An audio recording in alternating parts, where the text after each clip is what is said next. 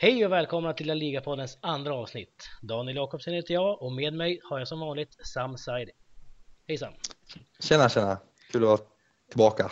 ja precis, eh, lite Ja. kortare uppehåll här. Men eh, Ja, med mig och med Sam denna gång har vi även en tredje gäst och det är ingen mindre än Spanienredaktionens nya redaktör Jens Kastnert. Hej Jens! Tjena! Eh, du, är ett in, du är en inbiten Sevilla-supporter. Kan du berätta lite grann om ditt supporterskap här med Sevilla? Oj, ja, det började, det började väl egentligen, det var där mitt intresse för spansk fotboll tog fart. Det var i eh, början på 2000-talet, jag hade en, min dåvarande flickvän eh, pluggade nere i Sevilla. Eh, och det blev ett par resor ner dit, hälsade på henne, kollade på lite fotboll och, sådär. Och sen så, så var det att jag fattade tycke för Sevilla och började följa dem mer och mer och, och även då den spanska ligan. Mm. Så ja, sen där skulle man kunna säga. Ja, precis. Och du är ju inte direkt ny i den här eh, podcastvärlden heller. Du var ju faktiskt eh, min gamla programledare i Radio La Liga tidigare. Så. Mm, det var en härlig tid. Ja. Kul att vara tillbaka i, i, sänd, i sändning. Precis, och eh, i detta avsnitt så tänkte vi gå i, har vi då tre delar som vanligt och i den första delen som vi drar igång med på en gång tänkte vi ha lite Europasnack eh, och då går vi igenom eh, Champions League-grupperna till att börja med, syna dem, tippa lite utgången i dessa ligor, serier menar jag såklart, och vi börjar då med grupp A där vi har Yes. Atletico Madrid, Juventus och svenska Malmö då, och Olympiakos. Vad tror vi här? Vad tror du Jens?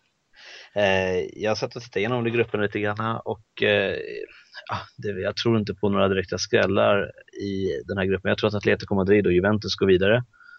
Ehm, men det kommer, jag vet, inte, jag vet inte riktigt vad Malmö står i frågan. Jag såg väl Salzburg-matchen de gjorde när, när de kom in i, i gruppen då. Men eh, däremot så har ju Olympiakos varit eh, rätt, eh, rätt heta.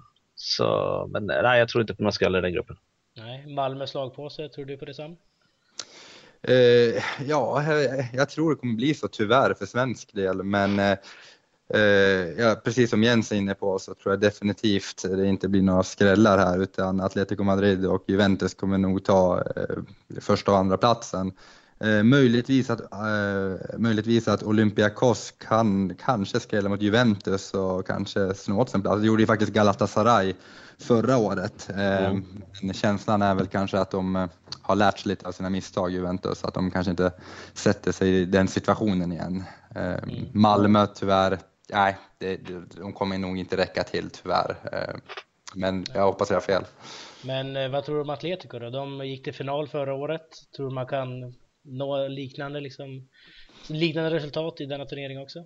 Ja, ja, alltså det är så svårt att säga. Atletico, jag, jag, som jag sa i förra programmen, så jag, jag tycker att Atletico har något starkare lag i år än förra året. Eh, läste nu häromdagen att de gjorde klart med Cersei också, så att nu är det liksom ännu starkare. Men Champions League, ja, jag vet inte, de här Europa, Europacuperna är ganska svåra att eh, sia för att det är så mycket små marginaler och det, det är inte alltid de bästa lagen som vinner eller det lag som förtjänar att vinna, utan det är, det är så otroligt små marginaler. Men eh, Definitivt med Simone, med hans taktiska kunskaper och nu har de ju ännu mer erfarenhet det här laget så kommer de definitivt vara farliga. Dessutom så kommer ju fler lag vilja slå dem för nu vet de att de gick eh, väldigt långt i förra och vinner La Liga och, och hela den biten. Så de har ju, de har ju en, större, en större press på sig i år och jag tror att det kan, eh, jag tror att det kan hjälpa dem lite. Mm. Ja, precis. Och eh, apropå det så kan vi hoppa direkt till grupp B då, där vi har Real Madrid, de regerande mästarna. De om någon har väl en press på sig kan man väl säga. I deras grupp så hittar vi då Basel, eh, Liverpool och Ludogorets. Vad tror du om den här gruppen? Eh, Jens ska vi börja med. Eh, som, som innan, absolut inga skrällar. Den här tar Liverpool och Real Madrid hem med eh, full pott, förutom möter de mot sig själva. Men, eh, eller mot varandra. Mm. Så eh, jag tror absolut att eh, Real Madrid kommer också vara ett av de lagen som går långt. Mm. Mm. Jag tror vi kommer komma in mer på Real Madrid senare i programmet så jag tror inte vi behöver gå igenom den gruppen som är. Det känns som att Real Madrid är ganska klara där mer eller mindre redan här. Eh, vi hoppar till grupp F. det är lite mer In- in- grupp. Inte grupp C då? Eh, nej, den, eh, Förlåt, jag ska inte har vi, avbryta. den har vi ingen spansk medverkan i. Så vi Okej. tänkte hoppa till grupp F. Där vi har Apoel, Ajax, FC Barcelona och Paris Saint-Germain.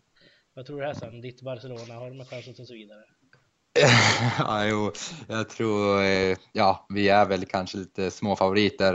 Eh, möjligtvis Paris då. Eh, svårt att säga vem som är favorit nu då, men eh, nej, det, det, ska mycket till om inte Barcelona och Paris går vidare. Men däremot så är, är första, kommer första platsen där vara oerhört intressant. Jag tror definitivt Paris kommer kunna störa Barcelona ännu mer än vad de gjorde för några år sedan. Eh, sen så måste jag också säga att Barcelona verkar ha något nytt på gång nu med Luis Enrique så att eh, ja, det är för tidigt att säga men jag tror definitivt det kommer stå mellan eh, Paris och Barcelona. Inga skrällar där heller.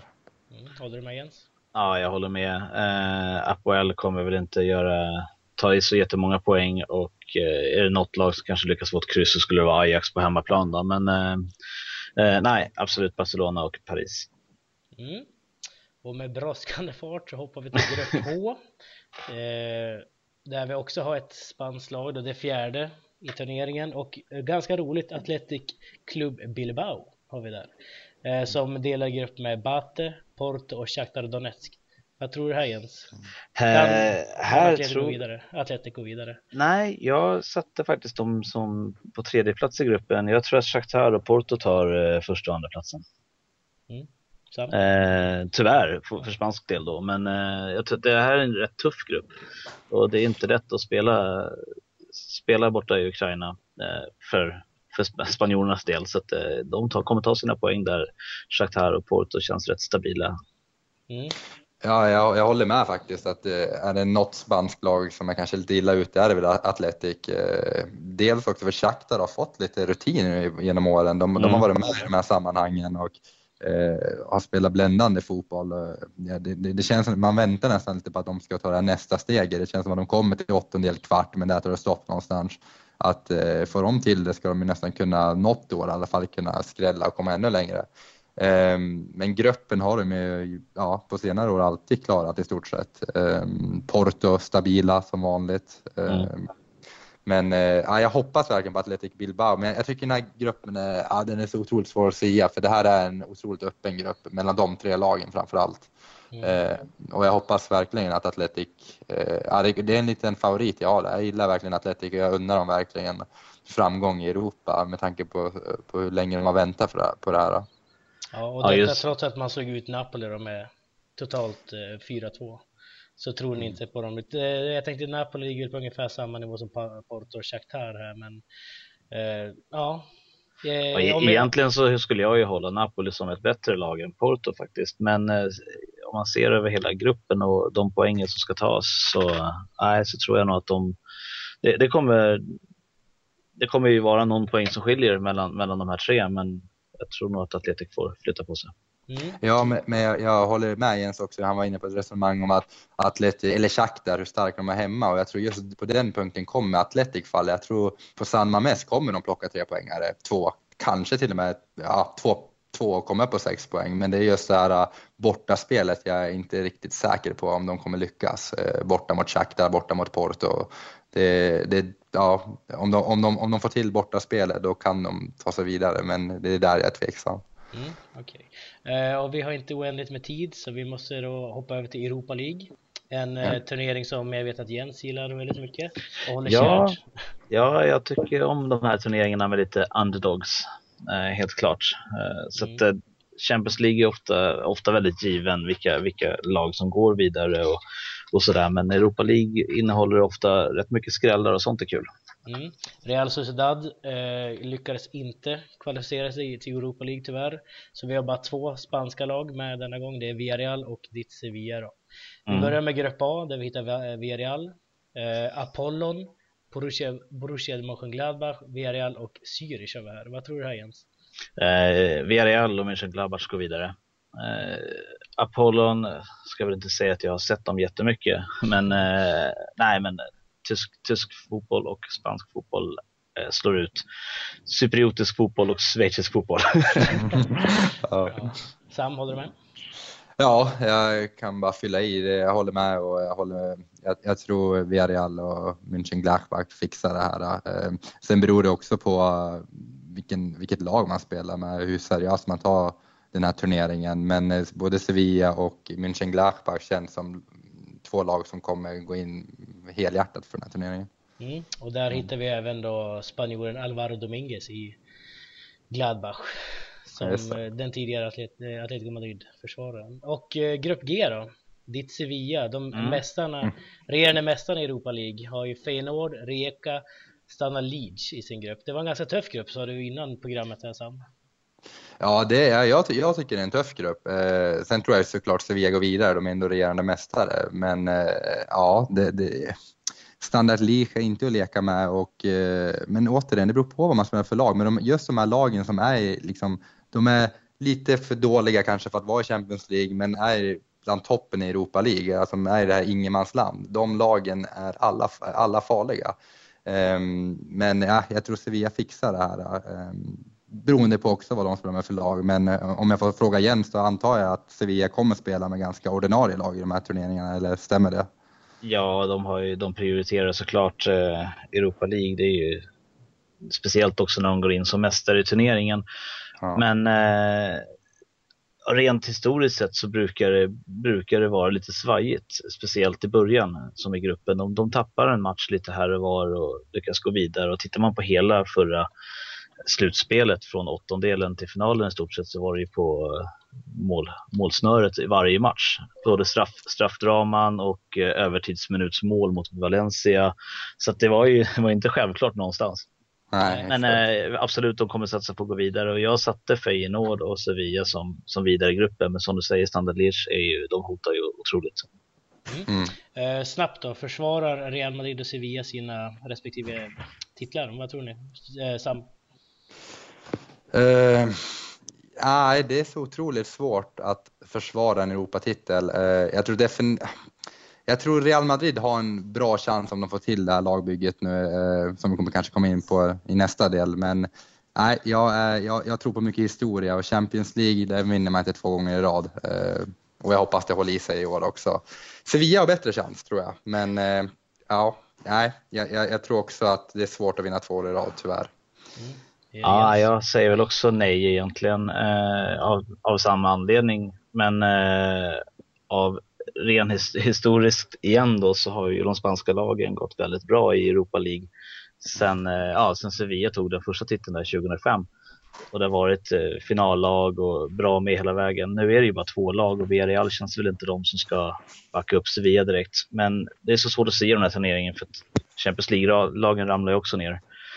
Ja, eh, jag vill nog höja lite ett varningens finger för grekerna. Jag, jag tror Panathinaikos kommer gå långt. Eh, okay. Jag tror PAOK också kommer gå långt, men eh, ja, vi får se. Ja, det ska bli intressant att följa. Och, en skräll. Ja, precis. Man vet ju aldrig i den här turneringen. Nej, men ja. vi måste bryta där och hoppa över till del två om en stund och där kommer vi gå igenom lite mer om Real Madrid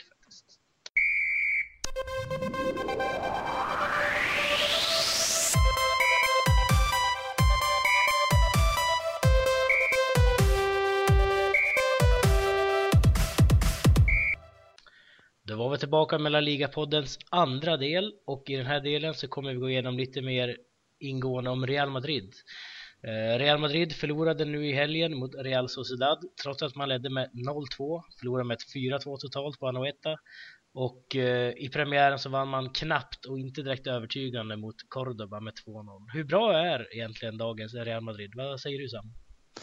Ja, alltså det är klart det är ett bra lag. Det är Champions League-mästarna och man brukar skriva om det i media, fantasilag och eh, kollar man på pappret är det ju, ja, jag sa det inför säsongen, jag tycker det var på pappret eh, ett av världens bästa lag, eller om inte det bästa laget i världen. Eh, frågan är väl bara hur balanserat det här laget är och eh, ja, om Peres håller på att spela någon slags football manager här eller om det här faktiskt kommer funka i praktiken också. Mm, vad säger du Jens? Ja, jag, jag håller väl med. Och tittar man på eh, bara ett par år tillbaka så, så är det ju inte många spelare som, som är kvar. Alltså, visst, du har Pepe och Ramos eh, och Marcelo och Casillas, så det, det är ju mycket av det defensiva.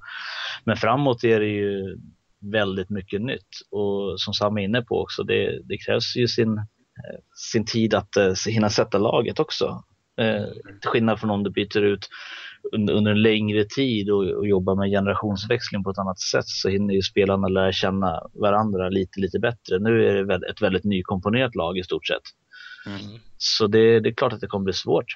Men, eh, men på pappret är de ju, det är ju världsspelare på alla positionerna såklart och så har det i och för sig sett ut innan också. Men eh, ja, det ser bra ut så det, det, ska väl inte... Men egentligen så... Förlåt. Mm, nej, det är ingen fara. Eh, egentligen så ska det väl inte behöva vara så mycket käppar i hjulet egentligen. Men ändå förlorar man alltså med 4-2. Man släpper in fyra mål mot Real Sociedad som i sin tur förlorade mot Eibar och åkte ur Europa League-kvalet. Mm. Var, varför förlorar ja. man för Sam? Ja, det, är, det, här, det är det här som är så underbart med fotboll. Det finns ingen logik eh, utan det är fotbollens lagar som gäller. Ena dagen så förlorar du mot Eibar, andra dagen slår du Real Madrid. Liksom, eh, det är så det kan funka. Ehm, men just den här matchen, om vi, tänker på den här matchen eh, så tycker jag Real Madrid, eller Ancelotti framförallt, ställde upp med ett otroligt obalanserat, alltså jättekonstig uppställning.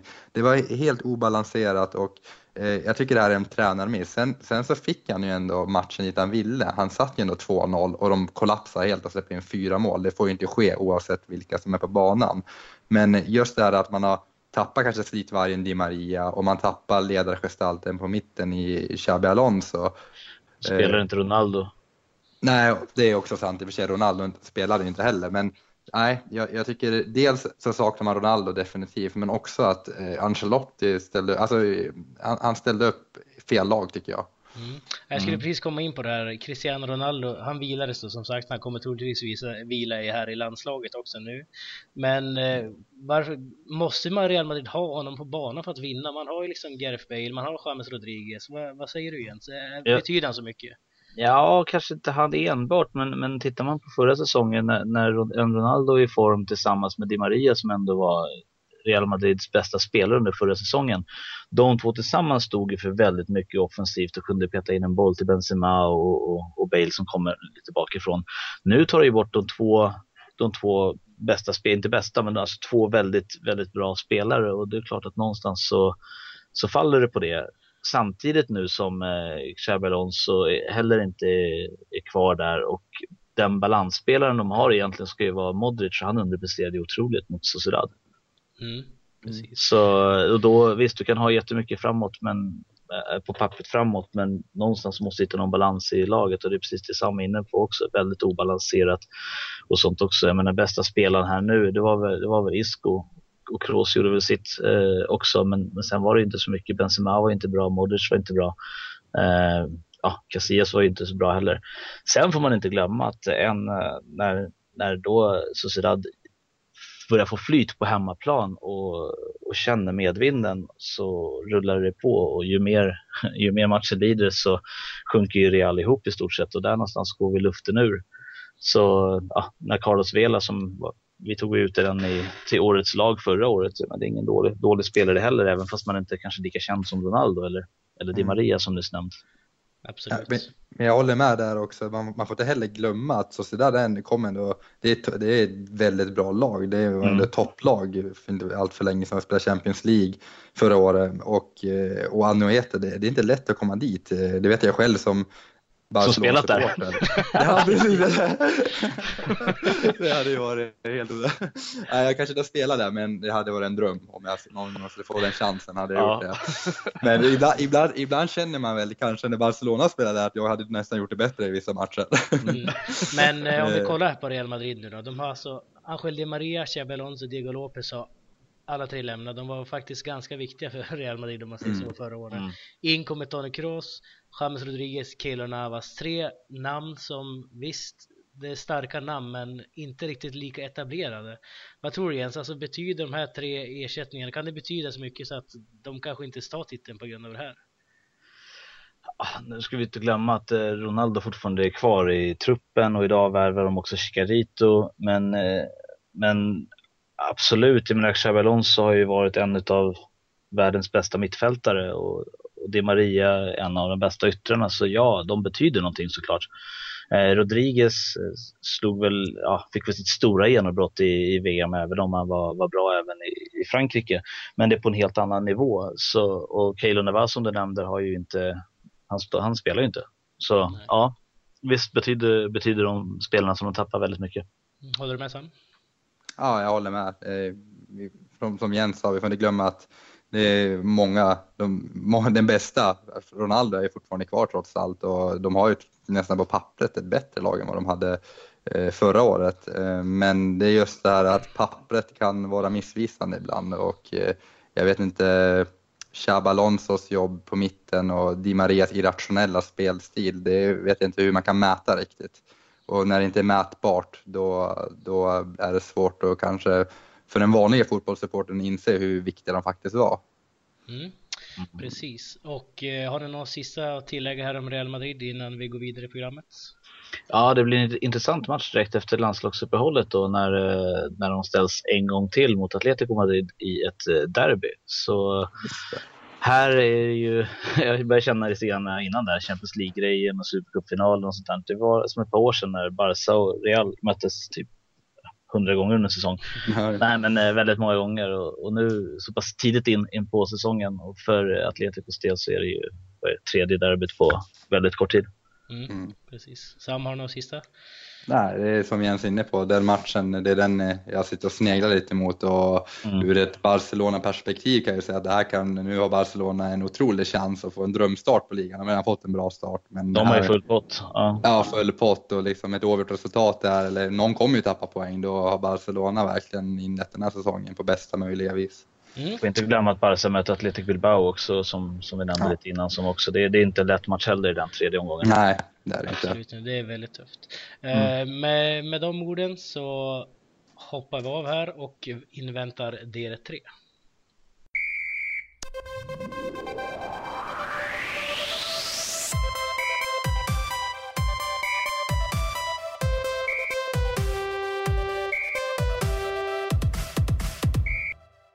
Då var vi tillbaka med den tredje och sista delen av La Liga-podden för denna vecka. Eh, I den här delen kommer vi ha lite blandat snack om det senaste som hänt inom fotbollen i Spanien och jag tänkte börja med Espanyol faktiskt. Eh, de har bytt namn på sin arena i juni månad så det är ett tag sedan dit men eh, det är värt att nämna något tycker jag. Powerade Stadium heter nu arenan som tidigare gick under namnet Estadio Cornea El Prat. Vad tycker vi om det här Sam? Är det rätt att man säljer ut sina namnrättigheter för en stor summa pengar? Ja, alltså jag tror den här frågan, det, det är lätt utifrån och, och liksom bara eh, tycka att det är skit allting och eh, man i stort sett bara struntar i traditionerna och historien och att man i stort sett pissar på klubben. Men eh, ja, tyvärr så lever vi i en sån här, ja, i en helt fri marknadsekonomi och eh, så att det är svårt när pengar tyvärr styr fotbollsvärlden. Men eh, jag tycker det är tråkigt. Jag, jag är ju så här lite lite konservativ när det kommer till fotboll. Det är jag inte annars i livet, men i just fotbollssammanhang är jag väldigt konservativ. Och bara tanken, det är svårt att inte börja tänka på sitt eget favorit, favoritlag, om hur, hur, det skulle kännas om man börjar sälja ut viktiga namn som Camp Nou för mig, för, för min del. Eh, det, var, det är inte kul. Det var inte så länge sedan de gjorde det egentligen. Barcelona spelade ju väldigt länge utan reklam på sina tröjor. Ja, exakt. Nu vet jag inte hur många år sedan det var nu, men, men nu för tiden så är det alltid reklam där och det är också en del i, i att du måste sälja vissa, vissa saker för att få in pengar och så ser det ut. Mm. Men jag håller med, jag är ju likadan. Jag avskyr den moderna fotbollen. Mm. så, ja. Två fotbollsromantiker med andra ord. Ja, ja verkligen. Det... Ja men det är bra, men jag tänker ekonomiskt så är det ju en jättestor vinst kan vi anta för Espanyol här nu. Sju år framåt kommer arenan heta det, sen vet man inte vad den heter. Uh, finns det inget positivt i det här? Vad säger du Jens? Ekonomin förstås. de, har ju, de får ju chansen att kunna konkurrera och jag menar i Spanien utav alla länder så, så är ju en ekonomi väldigt, väldigt viktig. Både med hur ekonomin ser ut i landet men framförallt också om du ska konkurrera med de, ja, de, de bästa klubbarna i och med att tv-avtalen är så pass orättvisa som de är. Så pengarna måste in någonstans för att de ska kunna köpa in spelare eller bara kunna matcha, matcha löner. Så eh, absolut, ska man kunna knyta bra spelare till sig så måste du ha en stabil ekonomi i klubben och är det här enda sättet så ja, tydligen. Ja, vad säger du så? Ja, och det här grundar sig också i, i att fotbollsvärlden eh, har blivit väldigt extrem. Alltså det, kollar man på vad, vad, spelare idag tjänar jämfört med många år tillbaka, alltså det, mm. det är helt otroliga summor. Och när det inte finns ett sånt här tak, då sticker vissa spelare iväg. Eller vad säger, vissa klubbar iväg och då måste de här klubbarna som Espanyol hänga på. Och då måste man kanske göra sådana här avtal som kanske inte är så populära bland fansen eller bland de här fotbollsromantikerna men ja, det är så den moderna fotbollen ser ut på både gott och ont. Mm, jag var inne på det bara för någon, några veckor sedan också, liksom, vad som skulle hända i, i spansk fotboll eller europeisk fotboll överhuvudtaget om man skulle införa ett lönetak likt NHL. Eh, mm. Eh, skulle, man, skulle man se flera olika vinnare av eh, ligor och eh, Champions League och sånt eller skulle det fortfarande vara de, de här bästa lagen som är där och konkurrerar? Det skulle bli intressant i alla fall att se. Ja, Men, eh, sen, om det är bra eller dåligt, det vet jag inte. Absolut. Uh, ja, det är en intressant tanke liksom hur det skulle vara i fotbollen med tanke på de löneskillnader vi har egentligen, både mellan Barcelona och Espanyol, men även liksom från Espanyol-spelare till en vanlig jag vet inte, byggarbetare liksom. Mm. Men uh, jag tänkte att vi skulle hoppa vidare och prata om Gerard Piqué i Barcelona som nu har faktiskt tackat nej till det spanska landslaget de två kommande landskamperna här. Eh, han motiverade att han vill vila, komma i form i Barcelona. Han har haft ganska tveksam form senaste säsongen, eller vad säger du Sam? Ja, men det, det har han haft och han, har han har fått väldigt mycket kritik eh, från ja, framförallt supportrar. Eh, men eh, han har ju, han har ju gått ner sig. När han kom till Barcelona var han ju verkligen gigantisk där bak. Eh, I och för sig hade han ju en, en pjoll som manade på honom där bak. Men har varit lite nonchalant, men samtidigt så tycker jag också att det inte bara Piqué, det är hela laget som har varit det och det är alltid lätt att, liksom, alltså att hitta en syndabock när det egentligen är mer komplext än så. Ehm, men han har själv sagt att, ehm, han var ute i en artikel för någon månad sedan och sa att eh, han, han är inte bland de bästa i världen men han tror att han kan komma dit igen. Så det här är väl kanske eh, ett steg på vägen, att han, eh, han, han, han känns motiverad igen. Kanske Lucio Enrique som har tagit ett rejält snack med honom och börjat motivera honom igen. Så det var inte bara Shakiras fel? Vad sa du? Det var inte Nej, bara Shakiras fel då alltså? Var... Nej exakt, hon, är, ja, exakt, hon har ju blivit den stora syndabocken om man kollar på forum här på så, så då var nej, jävla Shakira alltså. Nej, det tror jag verkligen inte. Uh, själv, man är själv varit inne på det bara för att man har varit frustrerad någon dag.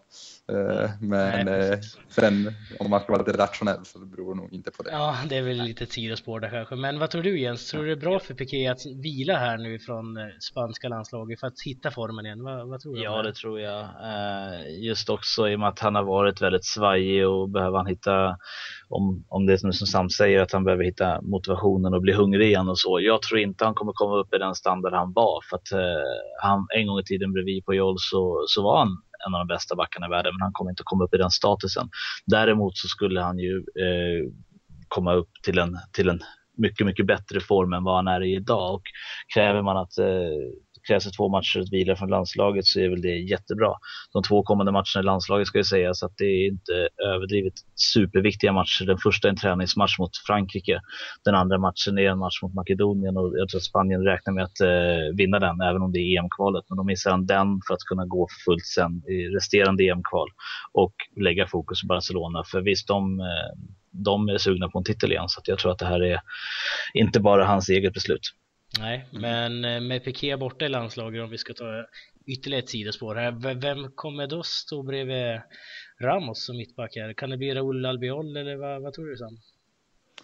Ja, det har ju, det har varit Raúl Albiol som har varit på tapeten men eh, ja, jag vet faktiskt inte vad man kan ha för alternativ där faktiskt. Nej, Javi Martinez är skadad nu också, han är ju omskolad ja. till mittback liksom. Mm, jag var lite inne på honom men eh, Nej, jag vet inte heller. Vem, vem, vem som ligger närmast i ledet, det vet inte heller.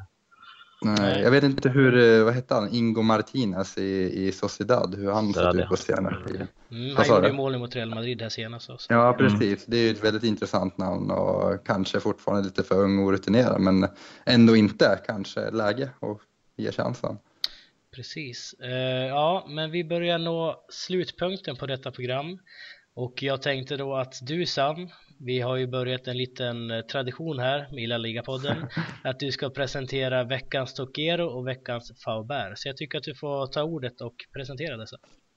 Ja, men vi börjar med det roliga då. Vi börjar med äh, veckans Tokero och äh, förra, förra veckan så ville jag verkligen ge det här till Javi Laras fantastiska mål, eh, Eibar-spelaren som drog upp en frispark, en fantastisk frispark upp i krysset.